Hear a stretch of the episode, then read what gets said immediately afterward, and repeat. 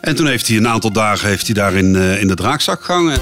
Dit is het verhaal van Jacqueline en PP van den Berg, die in 2001 de ezelshoeven zijn begonnen. Met twee ezels, Nono en Sisi. Al snel werden ze in 2005 een stichting. En sindsdien hebben ze meer dan 400 ezels opgevangen. In deze podcast kun je ze op de voet volgen. En jullie vangen niet alleen ezels op, jullie plaatsen ze ook regelmatig door. Hoe gaat dat? En gaat het altijd goed? Eigenlijk meestal wel. Over het algemeen wel. Omdat wij ook gewoon altijd wel een goed contact hebben eh, met, die, eh, met, de, met de mensen van tevoren, maar ook naderhand terwijl die ezel daar is. Alleen soms gaat het ook heel erg fout. En, en helaas zit, zit achter dierenleed bijna altijd ook mensenleed. Maar jij zegt helaas gaat het soms ook wel heel erg fout. Het is in 18 jaar één keer voorgekomen dat het misging. Ja, in ieder geval op een En- dusdanige wijze dat we ze teruggehaald hebben. Ja, en dat is Robin. Ja, Robin, Robin en Paaltje samen. Ja. Want eigenlijk, Paaltje is net zo erg, alleen Ja. was net even iets minder Net iets erg. minder erg.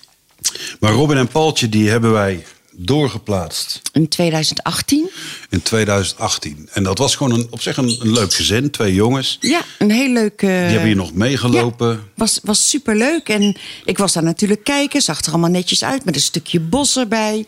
eh, leuk stalletje en leuke weide er ook nog bij. Dus dat zag er allemaal perfect uit. Mensen hebben hier eh, een stage gedaan en Robin en Paultje zijn daar naartoe gegaan. En Robin en Paultje waren al twee ezels die uit een inbeslagname kwamen. Dus eh, die moesten wel een goed adresje hebben. Nou, dat ging allemaal perfect. Ik ben daar een half jaar na de doorplaatsing in 2018 nog geweest. Gewoon om te kijken van, god, gaat alles goed? Heb je vragen? En, eh, want eh, ze waren een klein beetje schuw nog.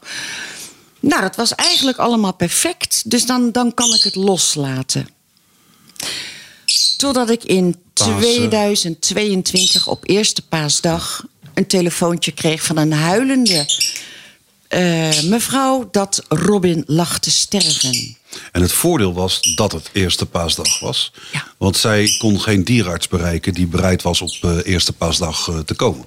En omdat ze geen dierenarts kon bereiken, heeft ze ons ze gebeld. ons. En als zij ons niet gebeld had, was Robin dood geweest. Dus wij zijn daarheen. Jij bent er eerst eigenlijk heen Ja, gereden. ik ben er. eh, ik zeg, ik kom eraan. En ik heb meteen een dierenarts gebeld. En eh, die wilde wel komen. Dus die, eh, wij kwamen eigenlijk tegelijkertijd daar aan. En daar lag inderdaad Robin in de stal. Ja, meer dood dan levend. En het eerste wat ik natuurlijk doe is, is voelen. Hoe voelt zijn lijf? Warm, koud, dun, mager, dik. En hij was fel overbeen. Hij was heel erg mager. Nou, daar schrok ik heel hard van. De dierenarts die is ook meteen eh, alle tests gaan doen. En die bevestigde eigenlijk mijn vermoeden dat hij onder voet was. De stal zag er ook vreselijk uit. Het was één berg mest. Ook rondom eh, de stal en het erf was eigenlijk zo anders als dat ik het daarvoor had gezien. Dat ik eigenlijk ook al wel wist dat daar iets mis was. En mm, mis in de zin van er is iets in het gezin gebeurd wat anders is. Maar ja, daar ga ik op dat moment natuurlijk niet op in. Het enige wat ik gedaan heb is eh PP gebeld. En gezegd dat hij onmiddellijk met de ambulance moet komen. Want eh Robbie moet naar de kliniek. En toen kwam ik. Ja, en we hebben Robin op een zeil de ambulance ingedaan. Was, hij kon niet lopen. Hij kon, Hij niks, kon niks meer. En we zijn direct naar eh, dierenkliniek de Visdonk gereden. Maar ja, eerste paasdag, daar was dan een noodarts. En die heeft eh, bloed onderzocht en alles gedaan. En die heeft gezegd, weet je wat, ik ga een infuus steken. En ik ga jullie alles meegeven. Want jullie, zoals ik weet, kunnen jullie hem zelf ophangen. En dat klinkt heel raar wat ik nu zeg. Maar dat is een koeienzak die wij dus in de stal kunnen hangen. Waardoor Robin dus niet ligt, maar wel staat met zijn voetjes op de grond. Zonder dat hij zelf kracht hoeft te zetten. Want liggen is natuurlijk heel slecht voor de organen als ze te lang liggen. En eh, jullie kunnen zelf het infuus dan aansluiten. En bij jullie is gewoon dag en nacht iemand. Terwijl hier nu alleen maar ik ben als noodarts. Dat hebben we gedaan. Ja. Hebben hem Dus hij, meegenomen. zij heeft dat infuus gestoken terwijl hij in de trailer lag. En Paaltje, hè, want we hebben Paaltje meteen Ja, meegenomen. Paaltje ging ook mee.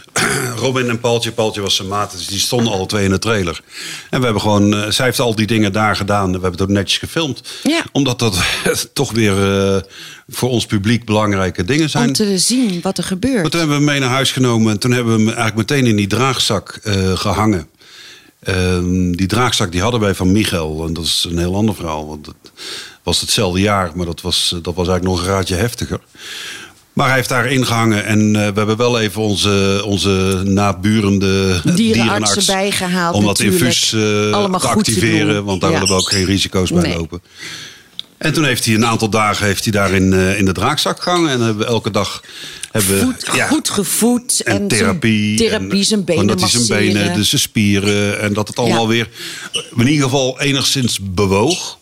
En eigenlijk na een dag of vier ehm, lieten wij heel voorzichtig de zak wat zakken.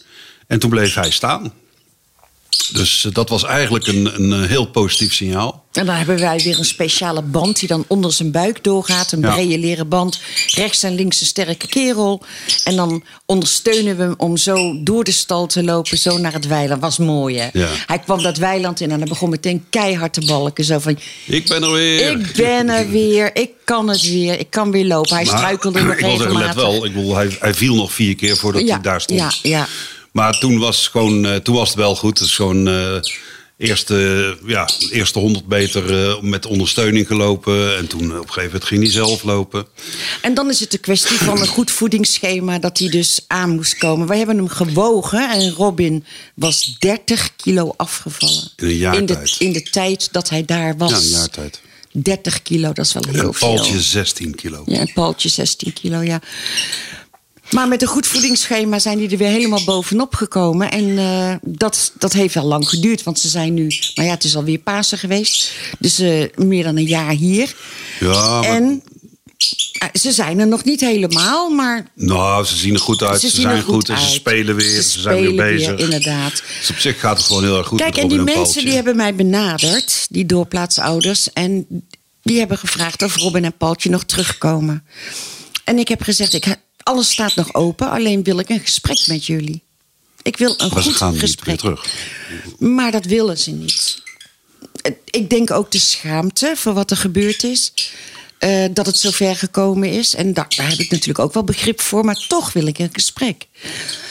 Ja, en eigenlijk zijn we eraan toe om nu te zeggen van... nee, dat, ze gaan niet Zij meer gaan terug. niet weer terug. Als, we, als, mensen, Ja. als mensen waar wij ezels plaatsen, hun, onze ezels nog eens een keer verwaarlozen, die ezels komen nooit meer terug bij hun. en ook, geen nieuwe. daar we natuurlijk weer... Het was anders daar dan anders. hè. Het zag eruit, ja, maar daarom gezien, zei ik al, er zit menselijk leed achter. Daar zit mensenleed achter.